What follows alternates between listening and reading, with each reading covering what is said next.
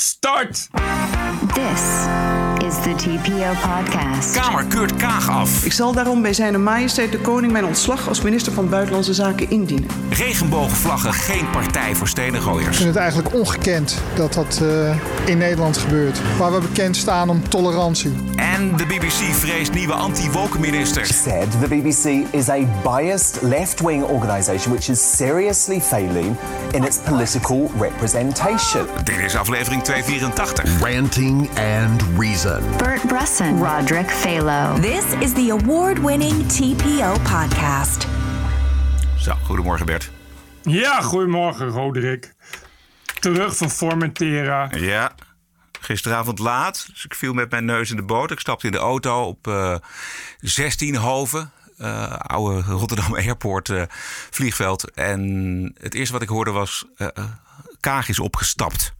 Maar eh, het is een mooie mededeling, denk ik. Alhoewel, misschien niet. Dat is een beetje lastig te beoordelen. Hoe mooi de Het is natuurlijk mooi dat Kaag nu weg is als, als minister. Ook al was ze demissionair. Volkomen terecht ook. Eh, maar ja, je weet gewoon niet wat er eh, nu verder gaat gebeuren. Want stel dat het uitloopt op nieuwe verkiezingen, dan loopt Kaag meer risico op weer premier te worden. Het kan ook een strategische zet zijn geweest. Laten we het er uitgebreid over hebben, eh, Bert. Het is vrijdagochtend 17 september. Kaag vertrokken dus. Uw Kamer oordeelt dat het kabinet onverantwoord heeft gehandeld. En hoewel ik sta, en ik sta er pal achter, voor onze inzet, kan ik niet anders dan als eindverantwoordelijke minister de consequenties van dit oordeel aanvaarden. In mijn opvatting over democratie en cultuur van ons bestuur moet de minister gaan als het beleid wordt afgekeurd. Ik zal daarom bij zijn majesteit de koning mijn ontslag als minister van Buitenlandse Zaken indienen. Mijn, dat was toch wel even een sneer richting Rutte. Rutte. Da- als ze niet was opgestapt, had ze het bijna niet vol kunnen houden. Ik Nee. bedoel, je kan niet eh, Rutte van alles beschuldigen en, en hem daaraan willen houden en dat dan zelf niet doen. Alhoewel D66 is geen hypocrisie vreemd zijn, daar niet van. Maar ja, dan wordt het wel heel lastig. Bovendien is ze nu eh, eh, geheel los van alles. Dus nu kan ze Rutte overal verantwoordelijk voor houden en voor van alles beschuldigen. Ja, eh, tenzij ze toch door wil met hem. Of ze wil echt de strijd op leven en dood met hem aangaan. Wat ja, ik, precies. wat ik wel mooi vond was dat de motie van afkeuring er kwam dankzij Gert-Jan Zegers van de ChristenUnie. Die was nodig voor die meerderheid. En hij is natuurlijk zelf aan de kant gezet door Kaag voor de, voor de formatie. En Zegers, die kan ook heel goed bakstenen laten vallen. Zoals blijkt gisteravond. En formeel kon ze aanblijven, maar dat was natuurlijk niet meer mogelijk. Omdat Kaag had gezegd: ja, als ik in Rutte's schoenen had gestaan bij zijn motie van afkeuring, dan was ik opgestapt. Ik, ik zou Ja, zelfs niet doorgaan, maar ik ben, een- ik, ben de, ik, ik ben een ander mens. Ja, je bent een ander mens. Dus Bert, Ja, was, nou was- moet ze wel. Ja, ja, ze moest wel. Er was, er was echt geen ontkomen aan. Ja, ze heeft zichzelf vastgeluld wat dat betreft. Het kan dus ook gewoon wel voordelen voor hebben. Dit is natuurlijk niet gepland. Je kan niet een motie van afkeuring plannen. Uh, maar ze kan wel uh, de, de overweging om op te stappen. Nou, die kunnen natuurlijk zo lang mogelijk rekken. En daar zal uh, in dit geval ook een nodige strategie in overwogen zijn. Van wat zijn mijn andere opties? Dus ik weet het niet. Het is natuurlijk ook wel. Uh, dit, dit is natuurlijk nog wel steeds een staaltje machtspolitiek. Jazeker. Die ze nu op een heel andere voet kan doorzetten. Precies. En ik, ik weet niet wat, wat, wat dit gaat opleveren voor de formatie. Dat weet natuurlijk niemand. Dat is natuurlijk een beetje de grote vraag nu. Zij kan in ieder geval, dat is, dat is volgens mij ook waarom ze het uh, mede gedaan heeft. Zij kan in ieder geval zeggen: kijk, ik ben zuiver. Ik handel naar wat ik zeg. Die, die morele overwinning is aan haar. Ja, ja, dat zeker. He? En daarmee, en ze blijft in de Kamer en ze blijft, ze blijft fractievoorzitter, dus ze gaat ook mee blijven doen met de formatie. Dus ik denk dat zij zich, ja, dat ze de handen vrij heeft om hoog op het morele paard de formatie voor te zetten. Nou, in elk geval wel vanuit moreel, vanuit moreel overwicht, ja. Maar de vraag is hoe ver die formatie nu nog voortgezet kan worden. Want je hebt nu de belangrijkste partijleider, die is zwaar beschadigd die heeft moeten opstappen wegens een, een motie van afkeuring. Uh, inclusief die van de ChristenUnie. Dus het, hoe, in hoeverre kan Rutte nu nog verder met D66? In hoeverre kan überhaupt iemand nog verder met D66? In elk geval met Kaag.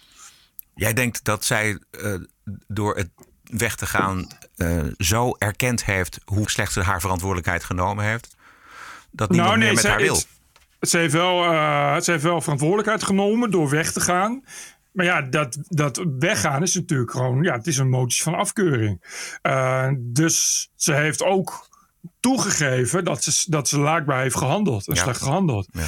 Ze heeft natuurlijk wel gezegd dat ze pal staat achter haar beleid. Maar dat ze formeel vindt dat een minister moet opstappen als de Kamer daarom vraagt.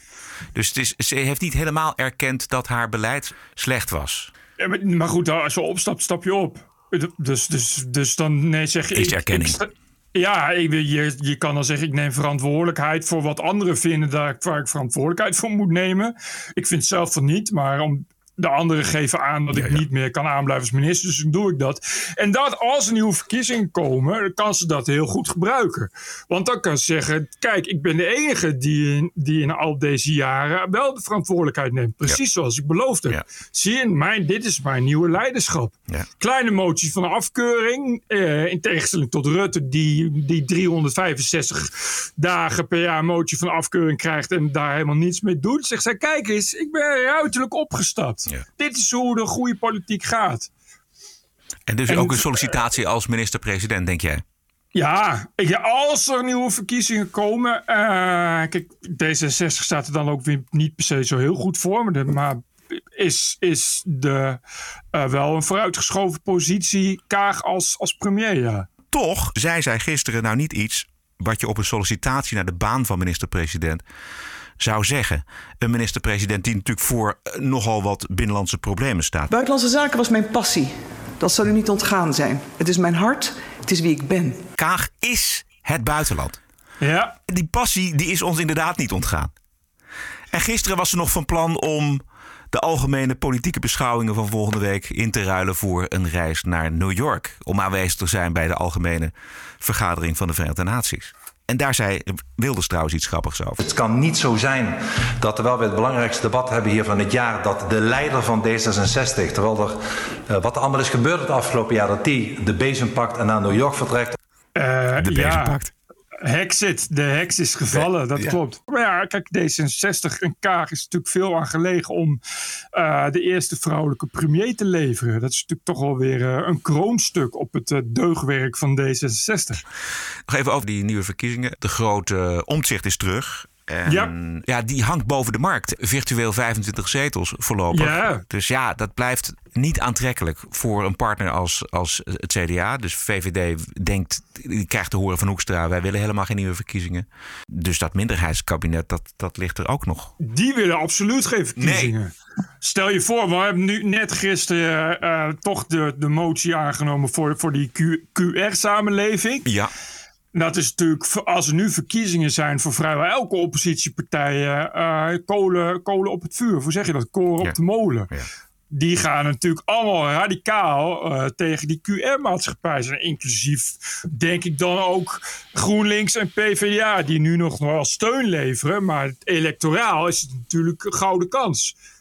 Want dat zijn uh, basically dus, dus CDA, VVD, D66 die, daar, die dat hebben veroorzaakt. Dus dan kan de, de coalitie zou dan in de campagne daar massaal op kunnen gaan. Zoals, zoals Baudet uh, en Van Hagen ook altijd hebben gedaan. Ja, en uh, nu we het daar toch over hebben. Denk jij dat het verzet in het, onder het electoraat groot genoeg is om een verschil te maken met wat er nu in de Kamer zit? Ik bedoel, met de verhoudingen. Bij campagnes gaat het natuurlijk om dat je dat verzet of, of dat verschil kunt vergroten. Die partijen die, die zijn voorzichtig.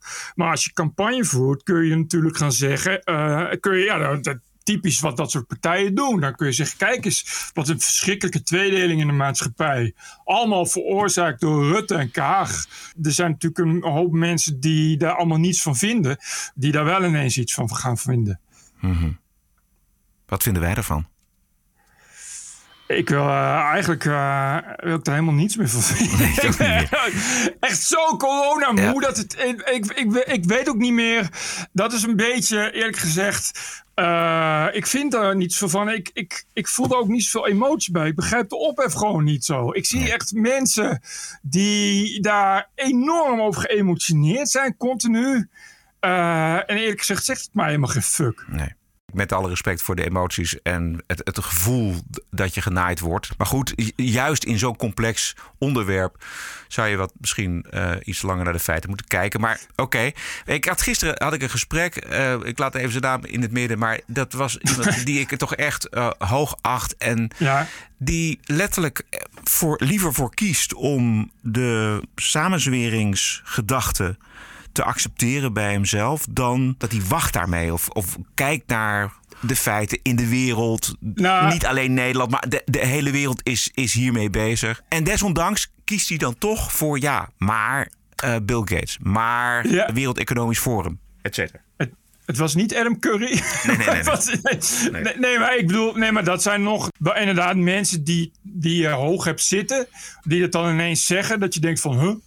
Oké, maar eh, laat, puur om, om die QR-samenleving of die maatregelen, dat je echt mensen hebt die, die. eh, Want ik snap, als je een horecazaak hebt, snap ik de ophef. Hè, dat je zegt van, ik ben het goed zat als horeca-ondernemer. Maar dat zijn mensen die, die, die, net als jij en ik, verder niet, daar verder helemaal niets mee te maken hebben. En de, eh, dag in, dag uit over geëmotioneerd zijn, over, over medische discriminatie en, en uitsluiting. En, maar wel eh, gewoon zelf gevaccineerd zijn ook. Hè? Dus niet dat je nog. Dat je, dat, dus, dus niet dat ze zeggen van ja, ik, ik, ik ben niet gevaccineerd, dus ik heb er zelf last van. Dus het zijn mensen die gewoon zelf hun groene pas kunnen laten zien.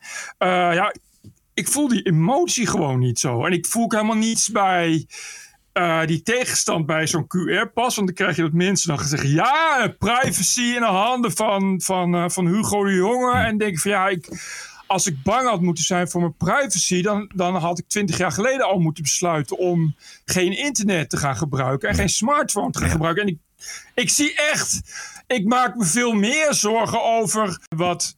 Mark Zuckerberg en Google van mij weten dan wat Hugo de Jonge van me weet. Voor Hugo de Jonge ben ik eerlijk gezegd als allerlaatste heel bang. Ik, ik bedoel, de capaciteit van Nederland om, om daar iets mee te doen, acht ik niet zo heel erg groot. Ja. Ik- Weet je, maar wel, ik vind China vind ik, vind ik Ja. erger. Dus Ja. als ik een, een, een Huawei telefoon koop, denk ik van ja, ik ben banger. Of, of TikTok.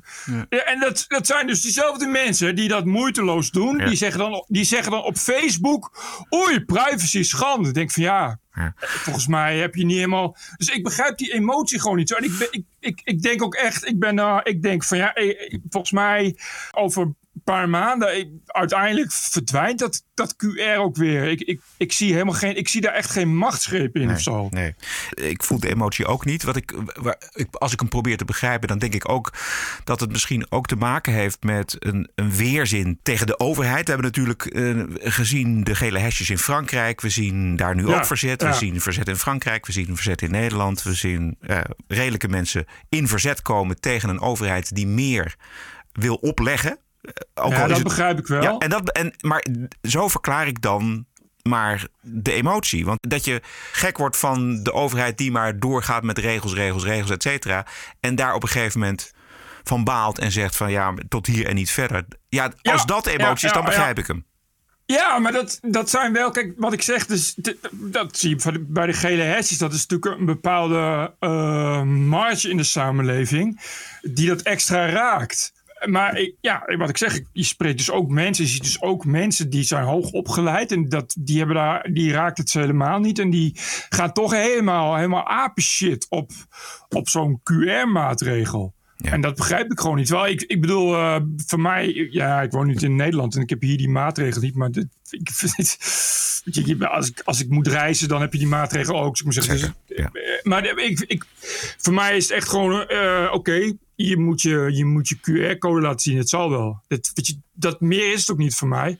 Eh, als iemand er vraagt, van, wat vind je ervan? Eh, dat is een overheid dat doet dan kan ik daar wel iets over vinden. Eh, Daar kun je over nadenken. Maar die emotie ook, ik denk van ja, just another measure. Ik weet niet. Ik, ik voel me niet anders maar als ik ergens in moet en ik moet een QR-code laten zien. Dan voel ik me niet anders dan dat, dat ik als ik ergens in moet en ik moet een toegangsbewijs laten zien. Weet je, oké. Ja. Ja, nou, dat is het een beetje. Ja, ik, heb, ik ben gevlogen dus. En Ja. dan is het in, in- bij het vliegen is het de normaalste zaak van de wereld. Toch zei de piloot gisteren bij eh, de start: eh, U heeft gekozen om te vliegen. Prima. Maar dit zijn onze regels aan boord. U hoeft Ja, niet te vliegen. En u moet uw mondkapje op eh, over mond en neus. En het, het duurt twee uur. En dan zijn we weer thuis. En dan. Ja, maar daar, daar is die ook dezelfde hysterie, hè? Ja. De mensen die, die dan weigeren mondkapje op te zetten... Ja. en zich dan echt ah, laten arresteren... uit het vliegtuig moeten laten halen... met alle gevolgen van die. Want dat moet je dan allemaal betalen ook en zo, weet je wel. Dus het is niet iets wat, wat je iemand kan aanraden. Echt, echt die hysterie over, over zo'n mondkapje. Het is echt... Ja. Ja, die mensen die, die, die gaan dan meteen naar fascisme... en weet ik wat, denk van ja... Ik, volgens mij, ik zie niet zo heel veel veranderd verder in de maatschappij. Anders, anders dan, dan dat mondkapje en die QR-code. Eh, ik heb niet het idee dat er nu ineens mensen uit hun huid worden gehaald en verdwijnen of zo. Of, of dat je, dat je niets, meer, niets meer mag opschrijven of wat dan ook. Dus Andere mensen ervaren dat dus niet zo. Ik heb een, een aardig filmpje voorbij komen uit de jaren 80 in Amerika. Waarin toen op een gegeven moment de autogordel verplicht werd. oh ja, ja. En de ja, autogordel ja. was natuurlijk. Ja, dat, ik, ik ken nog steeds mensen die, die hem bijna weigeren als het nog kan. En ze rijden een oude auto en ze horen niet dat irritante geluid. Als je hem niet om hebt, dan zijn er nog Ja. steeds mensen die de, de, de autogordel niet dragen. Maar toen die werd ingevoerd, was het verzet ook heel erg groot. Met name in Amerika, eh, waar mensen gewoon de vrijheid hebben. Ja, het is mijn keuze, ja of nee. En Precies, ik vond daar een precies. aardig fragmentje eh, van de Amerikaanse televisie uit de jaren 80. Luister. Seatbelts will be mandatory for everybody riding in the front seat of a car. I would wear my seatbelt. I get caught, I get caught, I guess. Florida Highway Patrol Lieutenant Chris Miller hears it all when it comes to seatbelts. I hear it's uncomfortable. Um, it wrinkles my clothes. Um, it's not cool. There's no freedom no more. Don't want to it? That's your choice. Grappig? Ja, ja. Ja, maar dat, dat was het in Nederland, de helmplicht bijvoorbeeld. Ja. Eh, niet niet dat, ik, dat ik dat nog weet, maar wat ik over lees, was het inderdaad precies zo. Weet je, het is een, eh, eh, ja, vrijheid die je wordt ontnomen. Dat. En dat is volgens mij ook de emotie, Bert. Dat is de, je, je, je voelt je beperkt door een grote, anonieme, machtige overheid die een politieapparaat heeft en die jou op de Ja. gaat slingeren als je niet gehoorzaamt. En dat is, die emotie kan ik begrijpen. Maar ja, we hebben het gezien bij de helmplicht, we hebben het gezien bij de autogordels en we zien het natuurlijk bij veel meer maatregelen. Ja, er zijn een miljoen plichten ooit ingevoerd Ja. waar je nu niet eens meer over nadenkt. Ja. zolang als de democratie in Nederland bestaat, zijn er regels ingevoerd. En soms weer afgeschaft. En eh, zonder, dat daar, zonder dat het dan verandert in een dictatuur of zo. Ja, je, precies. het Ja. Ja, of, of het ligt, kan ook liggen dat wij het niet begrijpen. Het kan ook aan ons IQ liggen. Maar dit gaat waarschijnlijk allemaal jullie IQ een beetje te boven. Ja. Ja, dat is, eh, ja, ik, ik, daar heeft Thierry gelijk. Thierry heeft natuurlijk een IQ van pak een beet 235. Eh, en de dingen die hij zei, dacht ik ook zo, dat is even moeilijk. Daar zou ik nooit opkomen zelf. Dus, dus dat gaat natuurlijk eh, IQ te boven. Eh, ik zal niet zeggen dat Thierry er heel doorgesnoven uitzag. En zich zo gedroeg. Het was wel zo. Hij zag er wel doorgesnoven uit en gedroeg zich ook zo. Maar dat zal ik dan maar niet zeggen. Want je weet natuurlijk niet of dat ook zo is. Ik was blij dat hij geen natievergelijking maakte. Of opriep om 140 te gaan rijden. Of dat soort dingen. Dat is eigenlijk al, is eigenlijk al winst. Wat ik een beetje mis aan de andere kant is ook het alternatief. Maar- nee, en- die, die eh, komt steeds niet. Nee. Maar Hans Steeuwen doet het. Die heeft nu gezegd: ik ga niet meer optreden. Zolang, er- zolang er eh, eh, wordt gecheckt in de zalen. Hij zou in Zwolle gaan optreden. Dat heeft hij afgezegd. En, eh, en hij heeft in een filmpje gezegd: van, nou, ik, ik, ik, eh, eh, hoe heet het? ik doe dat niet meer. En dan eh, heeft hij ook gezegd: van, ik ben geen antivaxer, want ik ben zelf gevaccineerd. En mijn vriendin heeft negen maanden long-COVID gehad. Dus ik weet hoe, hoe erg COVID is. En Ja. vervolgens zegt hij ja. Maar ik denk ook dat we nog niet alle mogelijkheden hebben onderzocht. Dat ik denk van ja, wat, wat, maar wat bedoel je daarmee dan? Wat, dan- wat, weet je, dus dat is een, een soort verzachtende omstandigheid die je, dan, die je dan bij wordt gehaald, die eigenlijk verder niks zegt. Ja. Ja, Dus behalve dan dat je tegen dat soort maatregelen bent Precies. of controle. Ja. Oké, nou goed. Ander onderwerp. Ja, ja. The award winning TPO podcast. Stad van Hoop, ons aller hoofdstad. Daar worden in de wijk Bos en Lommer, Amsterdam-West, is dat ruiten ingegooid waar regenboogvlaggen hangen. En daardoor halen steeds meer mensen hun regenboogvlag binnen. En dat is jammer, omdat de regenboog het wapen van het Struisvogelcollege in Amsterdam is tegen homohaat. Luister naar een verslag van lokale AT5. Hierachter, uh, vooral aan die kant, hingen denk ik een stuk of vijf, zes uh, regenboogvlaggen. Toen is eerst bij één woning uh, een steen door de ruit gegooid. En, en ik geloof één of twee dagen later was er volgende aan de beurt. Ik vind het eigenlijk ongekend dat dat uh, in Nederland gebeurt. Zeker ook in Amsterdam, uh, waar we bekend staan om tolerantie. Ook is er met eieren naar een van de woningen gegooid. Na de tweede steen door de ruit hebben de bewoners aan deze kant van de straat alle regenboogvlaggen weggehaald. Ja. Dit kun je op je vingers natellen. Dit is Amsterdam West. Het is verder geen enkel geheim uit welke cultuur de daders komen. Uh, het staat zwart op wit in een rapport onder het tapijt in, het, in de werkkamer van de GroenLinks-wethouder Groot Wassink. Daarin staat dat het bijna altijd jongeren zijn met een immigratieachtergrond. Dat is geen stigmatisering, maar daar, daar zit een probleem. Daar zit een homo-probleem. Wat generatie op generatie gaat. Maar ja, dat kan je er allemaal niet hardop zeggen in de stad van Hoop. Dus wat zegt dan gemeenteraadslid Jazi Veldhuizen van bijeen? Als je kijkt naar de daders, dan zijn het eigenlijk bijna altijd kinderen, of, of in ieder geval jongeren. En altijd mannen en al heteroseksuele mannen. um, maar wellicht dat de burgemeester mij hier wat wijzer in kan maken. Ja, dat is wel stigmatiserend, vind ik. Ja, voor... Voor, jonge, voor jonge heteroseksuele ja, mannen. Exact. Maar ik denk dat uh, Jan Bert Vroeg het hier wel mee eens is. Ja, die, wij, die wees mij ook op het filmpje. Heel goed, heel goed, wat, Jan wat Bert. De burgemeester die krijgt een vraag en die moet dus iets beantwoorden... wat ze zelf ook al ongelooflijk lastig vindt. Namelijk, wie zijn die daders? Burgemeester. Uh, laat ik als eerste zeggen dat het uh, daderprofiel iets minder eenduidig is dan u nu um, zegt. Dat maakt het ook meteen uh, ingewikkelder. Ja, iets minder eenduidig, dat is dus ingewikkelder. Oftewel, daar heb ik het liever niet over. Huh? Het zijn ook homoseksuele ouderen? Of, uh, ja, ja, precies. Ja. Je moet met die jongeren, je moet met die ouders, je moet met moskee, je moet gaan praten en zeggen: er, homoseksualiteit in Nederland, de acceptatie daarvan is een eis in de Nederlandse samenleving. En als je Ja. dat niet doet, dan eh, zijn daar consequenties. Of een boete voor die ouders. Door deze slappe aanpak blijf je dus de homogemeenschap angst aanjagen. En je, en je kan het alleen maar doorbreken door, door dat probleem, eh, eh, op dat probleem te drukken. Dus, dus te zeggen en aan te duiden en, en, en gevoelig te maken dat het binnen een bepaalde cultuur een enorm probleem is, homoseksualiteit. En dat moet je doorbreken. En je ziet daar, eh, ik had er gisteren nog een mooi voorbeeld van. Dus een of andere, een of andere eh, bescheten, eh, deugende social media website. Die hadden dan een van de jubeltopic over een of ander eh, ja, getraumatiseerd meisje van 19. Die zich dan dus laat bekeren tot de islam. Gewoon zo'n blank meisje met blauwe ogen. En die dan ineens eh, helemaal gehuld in doeken op TikTok filmpjes gaat maken. Over hoe geweldig de islam is.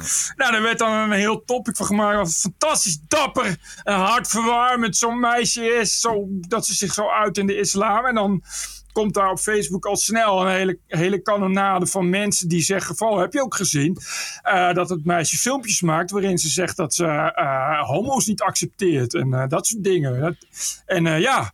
Dat hebben ze dan niet gezien. En dan wordt het ineens moeilijk. Dan krijg je ineens, oh ja, maar dit, eh, dit accepteren we ook niet. Dus dat is het probleem. Dan krijg je van, we willen die cultuur willen we heel graag accepteren. Want we willen niet stigmatiseren en discrimineren.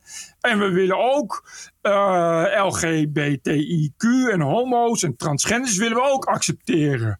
En dan is het dus een cultuur waarin dat niet wordt geaccepteerd. En dan is het lastig, want we kunnen het een niet bespreken en het andere ook niet, want we willen beide niet kwetsen. Precies. Ja, dan zul je toch een keer een keuze moeten Juist, maken. ja, dit is precies het dilemma waar de goede gemeente in Amsterdam voor staat. Wat je zegt, je moet dan in de moskee, moet je dan moet je op elke vrijdag gaan, eh, gaan, gaan benadrukken, laten benadrukken door de imam dat eh, ja, nou eenmaal in Nederland wonen en, en dat eh, Allah dat daar in Nederland wel oké vindt of zo, homoseksualiteit, ik weet het niet. ja, nee, maar je moet dat dus binnen die cultuur moet je dan orde op zaken gaan stellen. We gaan naar de Wokweek.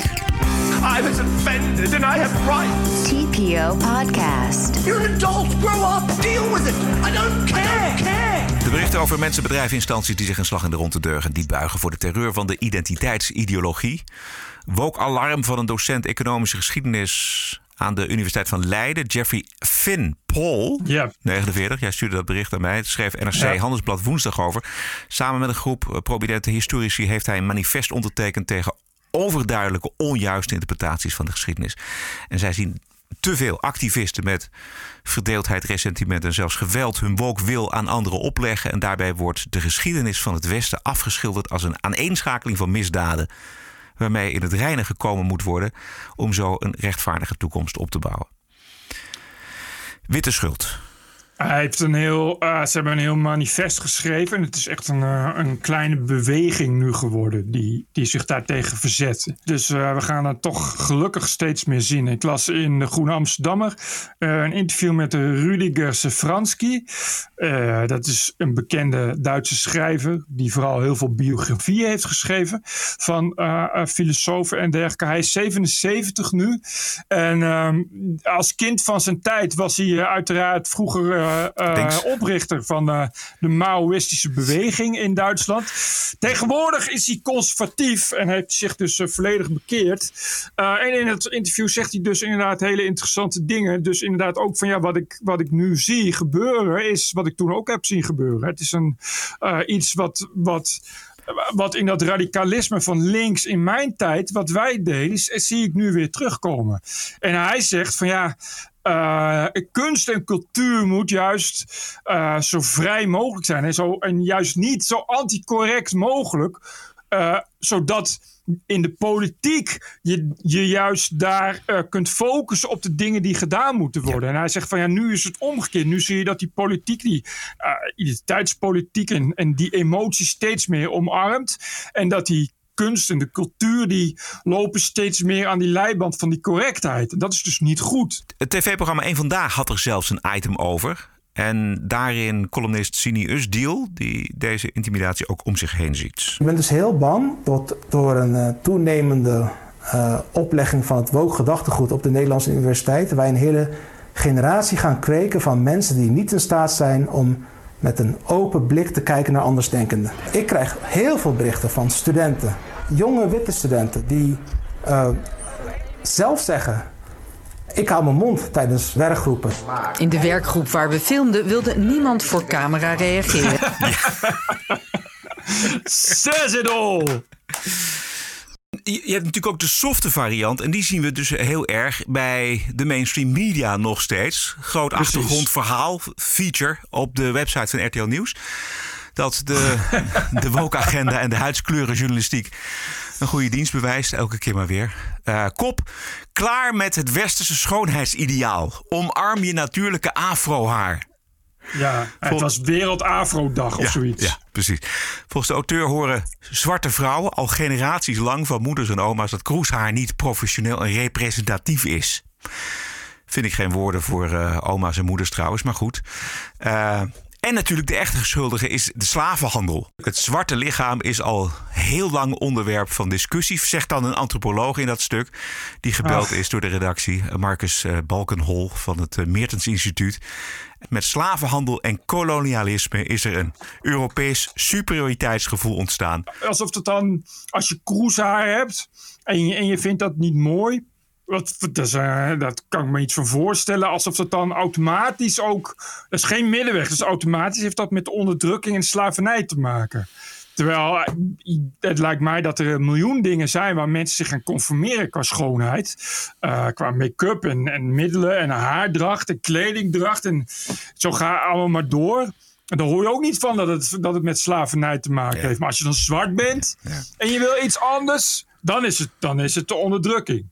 Ik vraag me ook echt af of mensen met kroeshaar hiermee bezig zijn. Nou, ik denk Met de slavernij. niet. Nee, ik denk Ik denk de dat- meesten niet. Nee. Ik denk dat sowieso de meeste mensen überhaupt niet bezig zijn daarmee. Met helemaal niks van dat hele racisme verhaal. Ik denk dat de meeste mensen ook gewoon ja, elke dag gewoon werken en, eh, en thuis naar huis gaan. En, en gewoon een normaal gemiddeld leven leiden. Dat denk ik. En ik denk dat ze inderdaad nou niet echt elke dag bezig zijn met eh, hoe werd ik nu weer onderdrukt vroeger.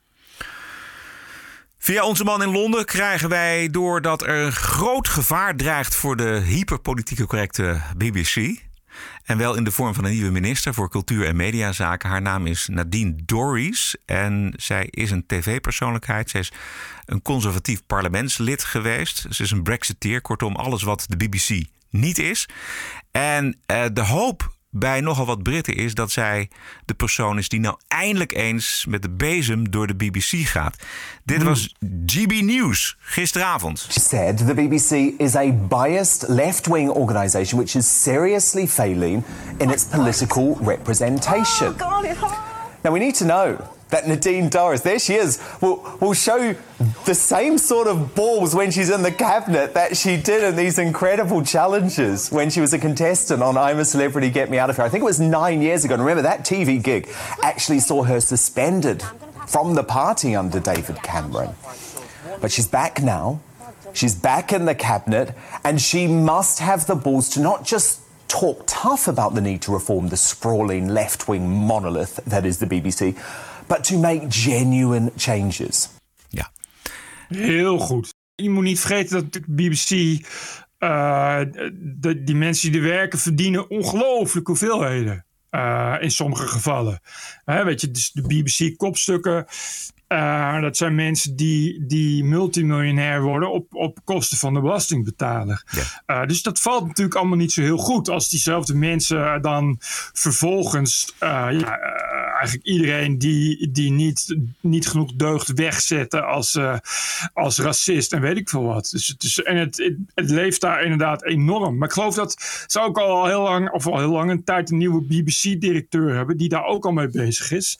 Die inderdaad al flink bezig is met het, met het meest extreme wookgehalte eruit gooien. Ja. Uh, met, met, met het toch, omdat het, ja, het loopt natuurlijk de spuigaten uit, omdat er, uh, het gaat toch uh, pogingen tot, tot, tot, tot het cancelen van, van eeuwenoude programma's. Omdat ja. het anders uh, te nationalistisch en te kolonialistisch is en ja. dat soort dingen. Ja, ik denk dat er geen uitzending meer uh, herhaald wordt van Monty Python, om maar iets te noemen. Nee, precies. Ik hoorde nog een, van hem ook een tip over de Booker Prize. Een van de grootste literaire prijzen ter wereld. Een van de directeuren van die prijs die zei deze week dat het probleem van de Booker Prize ligt in de koloniale wortels omdat de prijs tot 2014 alleen beschikbaar was voor Britten, Ieren en landen uit de Commonwealth. En laat dat nou allemaal terugslaan op de British Empire. En dat is natuurlijk weer kolonialisme en uitbuiting en fascisme. En de British Empire moet vernietigd worden als ja, dat nog niet gebeurt. Ja. Dan krijg je dus inderdaad dat alles wat ook met de, met, de, met de Britse vlag en de Union Jack te maken heeft, mag dan ook niet meer. Weet Ja. je, wat, je, wat je in Amerika hebt met die, met die New York Times adjunct hoofdredacteur of hoofdredacteur die als Amerikaanse vlaggetjes ziet, daar uh, eigenlijk direct racisme aan koppelt. Ja. En een beetje datzelfde gevoel heb je bij de BBC. En het probleem, het probleem is natuurlijk de enorme zelfingenomenheid, die zelfgenoegzaamheid van al die uh, inderdaad in meerderheid blanke presentatoren die het zoveel over diversiteit hebben. En tegelijkertijd uh, tientallen miljoenen per jaar verdienen aan het maken van een, uh, van een, een deugende programma's. Ja, nog iets over die Booker Prize. Dat, de, zij hebben juist om dat kolonialisme, de British Empire, om dat er allemaal uit te halen, heeft iemand gezegd: Weet je, we veranderen de regels. En dat was in 2014. En toen mochten ook bijvoorbeeld Amerikaanse schrijvers meedoen. Want Engelse taal, want daar gaat het allemaal om bij die Booker Prize. Ja. Maar die Amerikanen die schrijven zo goed en die bezetten in no time 18 van de 48 shortlist plekken. Ja, en ja, dus ja. toen moesten de regels weer veranderd worden. En nu uh, wordt er dus ook geselecteerd op huidskleur bij de Booker Prize. En staan Ja. er dit jaar op de shortlist. Dus staat, ik geloof ik, iemand uit Sri Lanka. En er staat ook nog een schrijver uit Somalië. Dus Ja, ja, we komen er wel. Nog meer voor de Wokweek? Nee, dit was wel de Wookweek. What a woke week it was. This is the TPO podcast. Even een ander dingetje. Volgende week vrijdag, 24 september, gaan we ruim anderhalf jaar na het begin van de COVID-uitbraak eindelijk de TPO-podcast Pubquiz beleven. Maarten, die samen met Jeroen deze pubquiz uh, heeft opgetuigd, die heeft een geschikte locatie in Amsterdam gevonden. En we gaan met inachtneming van de regels uh, de volgende week vrijdag dus die pubquiz doen. Iedereen die zich had aangemeld en betaald heeft, is op de hoogte gebracht van de locatie, de aanvang, et cetera. Maar er zijn nog een paar plaatsen beschikbaar. En volgens mij zijn dat er een stuk of drie à vier. En de plaatsen die kosten 25 euro per stuk. Als je dus, als je dus denkt van nou, dat vind ik hartstikke leuk, daar wil ik bij zijn. Het geld gaat naar uw favoriete podcast, namelijk de TPO-podcast. En eh, wil je kans maken op die plek in de pubquiz? Stuur dan een e-mail naar tpopubquiz.gmail.com. En quiz schrijven wij dan met Q-U-I-Z. Er zal onder de inzendingen uiteraard eerlijk gelood worden door Maarten. En dan krijg je bericht over de locatie en de aanvang en de betaling, et cetera. TPO Quiz at gmail.com. En eh, is, het, is dat met QR-code? Eh, want het is een pub ook, of een, of een kroeg waar dat plaatsvindt. Nou, het is vanaf 25, is, dan is het al de 25e geweest volgens mij. Nee, nog Ja? niet. Nog net niet. Nee, het is de 24e. Dus dat moet ik nog eventjes even kijken hoor. Nee, de, want die, die, die maatregelen gaan volgens mij 25 september in. Ja, precies. Maar het- dus ik moet dat nog eventjes eh, checken met. Maar de mensen krijgen daar eh, zeker ook eh, bericht van als dat nodig is.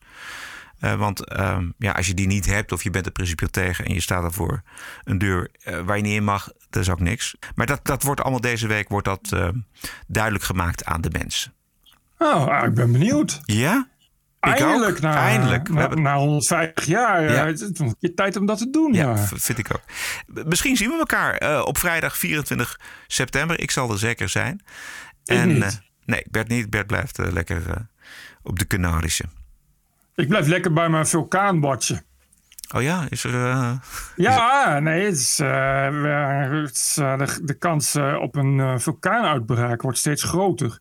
Hoe groot is Het die is- nu? Ja, het is moeilijk te zeggen, maar eh, wat ze nu zeggen is dat, er, eh, dat die kans er wel in zit. Ze, weten, ze kunnen het alleen niet met zekerheid zeggen. Het kan ook zijn dat het weer weg is, maar het is sinds, eh, sinds het e- e- tientallen jaren dat er op, op relatief korte diepte, dus, dus tussen de 1 en 3 kilometer, zoveel bevingen worden waargenomen. Eh, normaal vinden daar heel veel voor. Ook altijd is dat van die, van die, eh, van die zwermbevingjes, dat zijn er Ja. duizenden dan per jaar. eh, maar die vinden dan normaal plaats op een diepte van, van rond de 30 kilometer. De laatste tijd zijn ze voelbaar. Dat gaat tot een kracht, van schaal op de, kracht op de schaal van Richter tot 3,5. Dat betekent dat die mensen het ook echt voelen. Een beetje zoals in Groningen is dat ongeveer. eh, de max. En dat is op een diepte van, van, van tussen de 3 en de 1 kilometer. Eh, ze zien nu dat op het, in het gebied waar, waar al die bevingen voorkomen, eh, ja, daar stijgt de grond eh, met centimeters per dag. En dat, dat is de, de magma, de druk van de magma die omhoog komt. En er zijn er ja, allemaal van die andere waarden die ze meten, van die gaswaarden, die dan enorm stijgen. En dat betekent dat er de kans steeds groter wordt, of de, die druk bouwt op. Eh, wat ik begrijp, ik ben geen geoloog, maar ik volg het ook maar zo'n beetje in de media, is dat het ook weer niet zeker is. Het kan dus ook zijn dat die druk weer afbouwt. En dat die magma dan weer wegvloeit of zo. Geen idee hoe dat precies werkt. Eh, en zo niet, dan, ehm, dan op een gegeven moment komt er een beving en komt er een scheur in de aardkorst. En dan komt daar eh, die magma eh, omhoog en dan heb je een nieuwe vulkaan. Holy moly. En daar, eh, ik zit dan in de gemeente die getroffen is. Mm, Dat komt omdat die gemeentes, eh, eigenlijk alle gemeentes, de, eiland is eigenlijk verdeeld in, eh, in oost en west. En de gemeentes aan de westkant, die hebben de grens precies in de middenscheiding van de, van de vulkaanbergen. En aan de oostkant net zo. En, eh, dat is vooral gebied dat onbewoond is. Maar toch zitten wij ook in code geel. Normaal is het code groen, maar er zijn nu vier gemeentes die, die, die in het getroffen gebied zitten. En daar zit mijn gemeente ook onder. En hoe ben Dus jij de daaronder, Bert? Nou, heel rustig, omdat eh, eh, het zit vooral aan eh, kijken, de westkant. Gaat het waarschijnlijk gebeuren? Daar zitten alle bevingjes. eh, en die breken dan daaruit. En dat is dus aan de andere kant van waar ik zit. En dan stroomt die lava dus via de westkant weer in zee. Maar als het aan de oostkant gebeurt, dan kan het toevallig ook dat mijn huis in de weg staat. Dat is dan liever niet. Eh, wat ze wel weten is, in de laatste keer dat het gebeurde was in 1971. Dat was helemaal aan de zuidpunt van het eiland. Kwam er een nieuwe vulkaan omhoog. Die heeft een maand ongeveer eh, heeft die, gespuwd. Daar is eigenlijk dat was midden in, midden in natuurgebied. Er heeft alleen een, ja, een strand is toen verwoest. En één iemand bij omgekomen, maar die had het aan zichzelf te danken, want die wilde per se dicht bij de lava kijken. Uh, wat ze weet is dat uh, de hoeveelheid magma die, die nu op druk komt, is ongeveer een kwart van wat er destijds plaatsvond. Dus het wordt een uh, niet al te grote beving. Oké. Kun je daar tegen dus, verzekeren eigenlijk? Als, je, als jij zeg maar in de worst case scenario jouw huis wordt getroffen en je moet je verlaten en er blijft helemaal niks meer van over? Nou, goede vraag. Dat vroeg me ook al af. Of, uh, of ik wel verzekerd ben uh, als mijn huis verwoest wordt door een um, orkaan. Ik moet het eens een keer opzoeken. Ja. Dat is eigenlijk wel leuk om te weten. Maar ja, als het niet, als het niet zo is, dan. ik, ik, weet niet wat. Ja. Ik, maar het, het mag toch hopen van wel. Ja dat natuurrampen, of misschien is dat dan weer een uitzonderingsclausule. Ja. Moet je daar apart voor verzekeren? Dat zijn maar, meestal dure verzekeringen. Nou goed. Het wordt geen, uh, geen tweede Pompeii, uh, voor nee, zover uh, nee. wat ik ervan weet. Maar je, het probleem is natuurlijk dat je op het moment dat zoiets gebeurt, en dat kan dan relatief heel snel gaan, dat je dus in code rood komt. En dan moet je uit voorzorg evacueren. Dus dan ben je gewoon, moet ik dagen wel uit mijn huis waarschijnlijk. Zonder, ja. dan, dan, zonder dat dat noodzakelijk is. Maar ja, je, kijk, die gemeente heeft natuurlijk ook gewoon een protocol waaraan moet worden gehouden. En je zit dan ook met, met uh, rook en gassen die worden uitgestoten. Dus als dan de wind verkeerd staat, wil je er ook weer niet in zitten. Nee. En, je, en dan gaat dan uh, het luchtverkeer moet worden stilgelegd. Zo. Dus het levert natuurlijk één, één lange, langdurig gezeik op. God. Maar het punt is dat dus niemand iets zeker weet. Het, wat ze nu zeggen is van ja, het ziet er wel zo uit, maar het zou kunnen van niet. Ja. ja daar, heb je wat aan. Ja. afwachten. Ja, maar dat is de natuur, dat is de aarde. Waar wij ja. op leven, zolang dat mag. Het is, het is natuurlijk wel weer spectaculair, dat dan weer wel. Precies. En, blij, en doe de verslag van Bert als het doet, als het, als het ja, gebeurt. als het, als het gebeurt dan. Uh. Maar vooralsnog is het uh, telkens toename van bevingjes en druk in de bodem. En wel, die bodem die is dus nu al 13 centimeter gestegen of zo. Dat is dus gewoon zichtbaar. Dit is echt een soort echt een grond die dan als een soort bubbel omhoog, omhoog komt. Zodat je dan een voetbalveld hebt en dan ineens is dat ineens, wordt dat half rond, zoiets. Ja, ja. Oké. Okay. Dit was het. Ja, dit was het wel. Dit was het wel, hè? Um, u vindt ons onder meer op Spotify, Apple Podcast, iTunes en op tpopodcast.nl. En wij danken voor de ondersteuning. Natuurlijk voor deze aflevering 284. Ook de mensen die dat anoniem doen. Uh, via maandelijkse bijdrage, via Patreon bijvoorbeeld. Uh, waarderen en doneren heel graag via tpopodcast.nl. En we zijn alweer terug dinsdag 21 september. Stay cool. En tot dinsdag. TPO Podcast. Bert Bruson, Roderick Balo, ranting and reason. My father used to explain to me that radio was actually a better medium. He used to say to me, I like radio better. I said, why? That because you have to use your imagination. Podcasting is the TPO podcast in the Netherlands. Bert and Roderick. What a show. I'm telling you. Keep the show running. Go to tpo.nl slash podcast. Thank you.